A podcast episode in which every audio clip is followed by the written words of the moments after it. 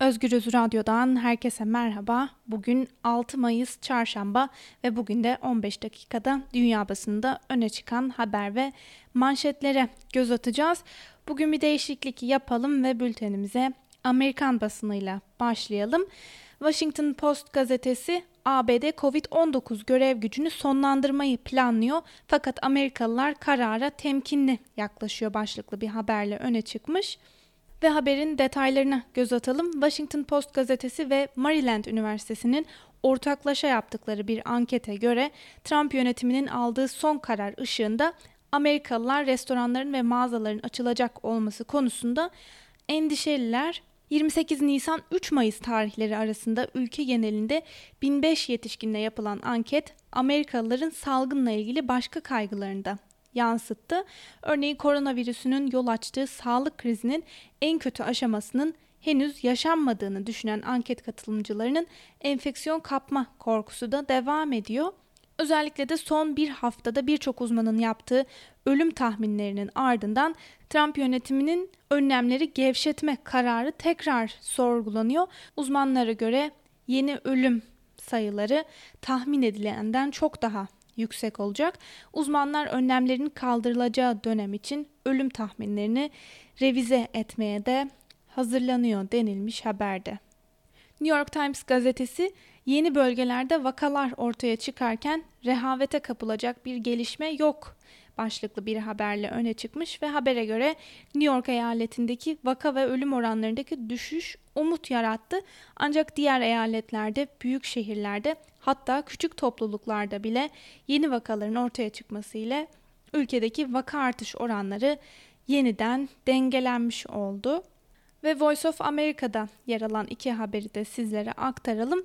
Başkan Donald Trump, Çin'in Wuhan kentinde ortaya çıkan koronavirüsünün kaynağına ilişkin bir raporu önümüzdeki süreçte yayınlayacaklarını söyledi ancak tarih vermedi ve Trump açıklamasında bir kez daha Pekin'e şeffaf olması çağrısı yaptı.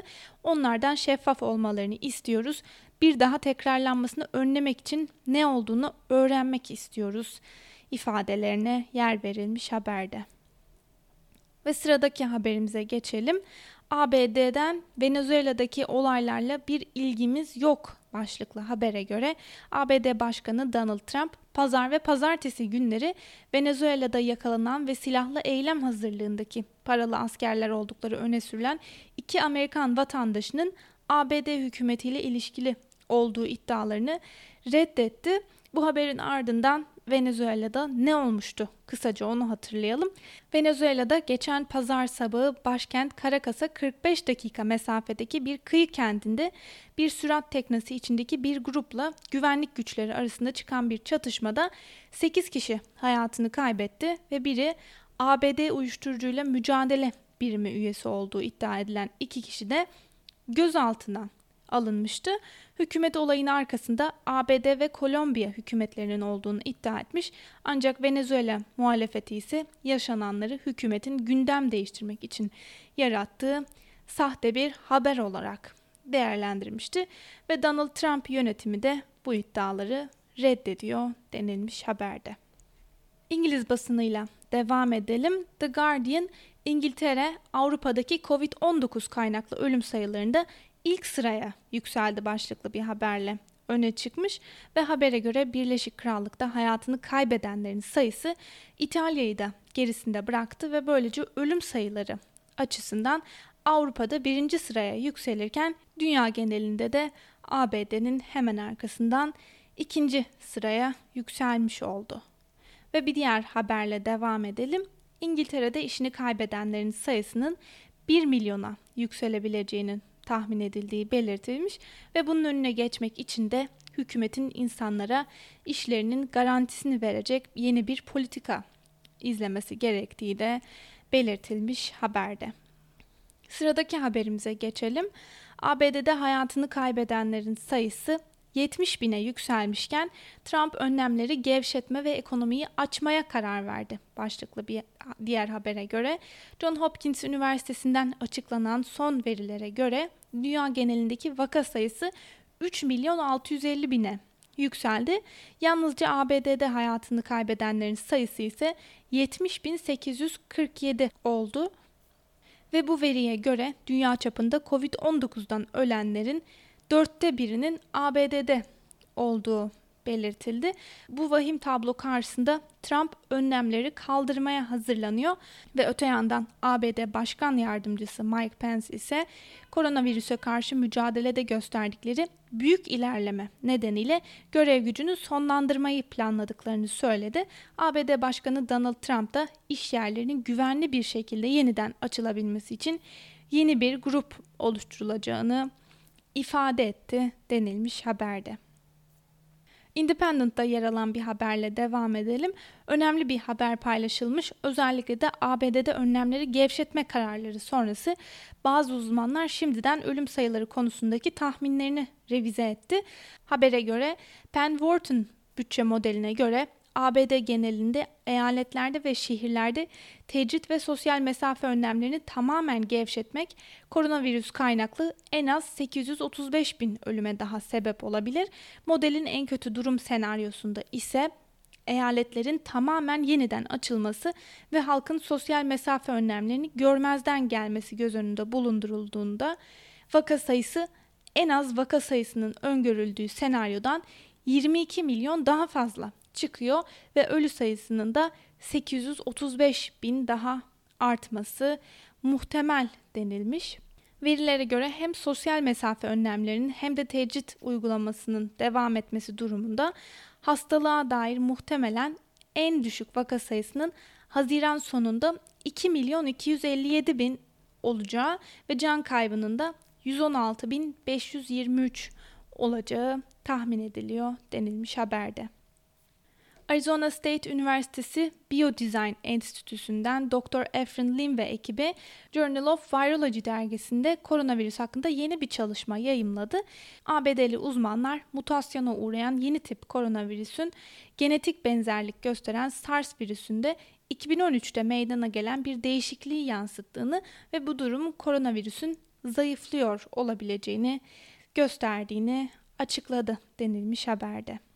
New York valisi Andrew Cuomo yeni tip koronavirüs salgını yüzünden New York eyaletinin ekonomisinin 13 milyar dolar açık verdiğini belirterek hükümete daha fazla federal yardım çağrısında bulundu. Hükümetin yaptıkları tam anlamıyla kaç kişinin yaşayıp kaç kişinin öleceğini belirleyecek diyen Cuomo, salgının sadece demokrat eyaletlerde değil her yerde olduğunu ve siyasetin artık bir kenara bırakılması gerektiğini de söyledi denilmiş haberde.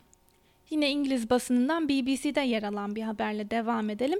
Sosyal mesafe kuralını ihlal eden İngiltere hükümetinin koronavirüs danışmanı Profesör Ferguson istifa etti. Başlıklı habere göre Imperial College'da Profesör Ferguson'un liderliğindeki araştırmacılar İngiltere'de karantina uygulanmaması halinde 250 binden fazla kişinin hayatını kaybedebileceğini hesaplamıştı ve bunun üzerine İngiliz hükümeti stratejisini değiştirerek 23 Mart'ta sokağa çıkma sınırlandırması getirmişti.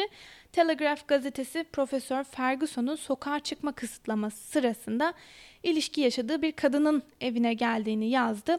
Ferguson gazeteye yaptığı açıklamada yanlış bir karar aldığımı kabul ediyorum.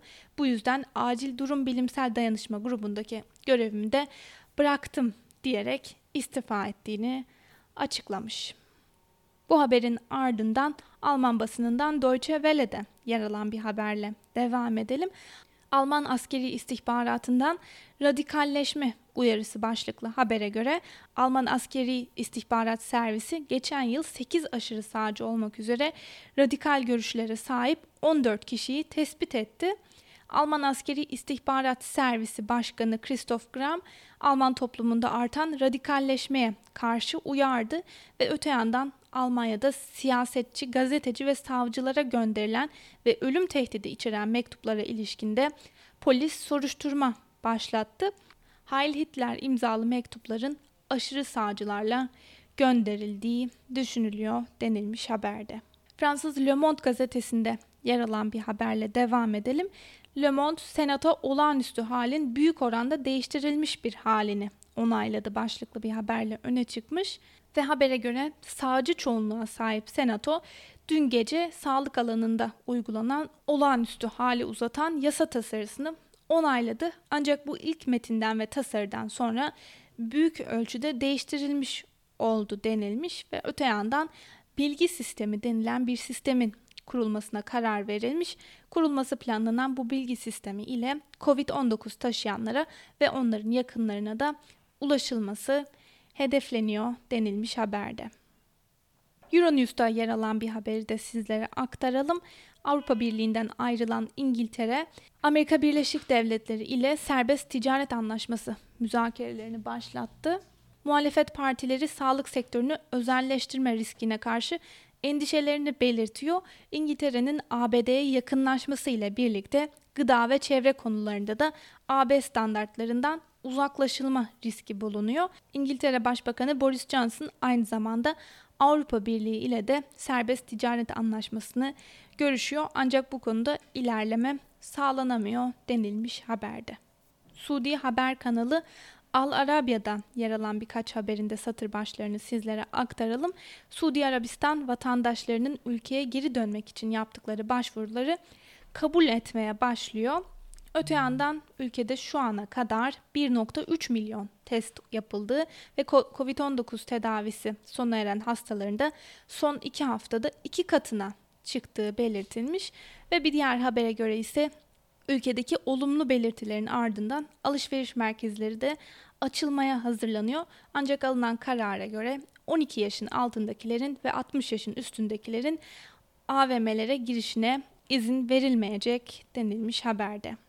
Ve bültenimizin sonuna doğru yaklaşırken Rus basınında yer alan birkaç haberi de sizlere aktaralım.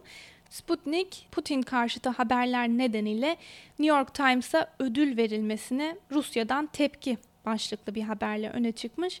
Rusya tarafından birçok kez resmi olarak yalanlanan Putin rejiminin yıkıcı eylemleri hakkında haber dizisi nedeniyle New York Times gazetesine uluslararası habercilik dalında Pulitzer ödülü verilmesine Rusya'nın Washington Büyükelçiliğinden tepki geldi. Uluslararası habercilik dalındaki ödülün büyük bir risk alarak Putin rejiminin yıkıcı eylemlerini açığa çıkaran etkileyici bir haber dizisini yazan New York Times'a verildiği açıklanmıştı denilmiş haberde.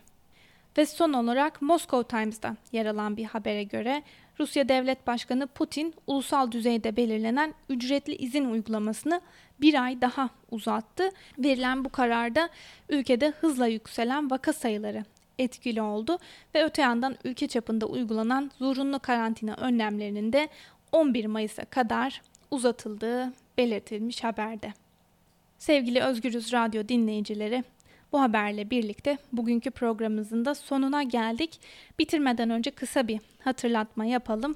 Bugün 6 Mayıs 1972 tarihinde Deniz Gezmiş, Yusuf Aslan ve Hüseyin İnan'ın dar ağacında idam edilmelerinin yıl dönümü üzerinden tam 48 yıl geçti ve biz Özgürüz Radyo olarak Deniz Gezmiş ve arkadaşlarını gün boyunca onlar için söylenen şarkılarla anacağız. Saat 18'de Onur Öncü'nün sunduğu Son Tahlil'de programında Deniz Gezmişler'in arkadaşı Mustafa Yalçıner Özgürüz Radyo'da olacak ve Can Dündar'ın belgeseli Delikanlım'da saat 20'de Özgürüz Radyo'da olacak. Deniz Gezmiş için söylenen bir şarkıyla sizi baş başa bırakalım ve yarın aynı saatte görüşmek dileğiyle. Hoşçakalın.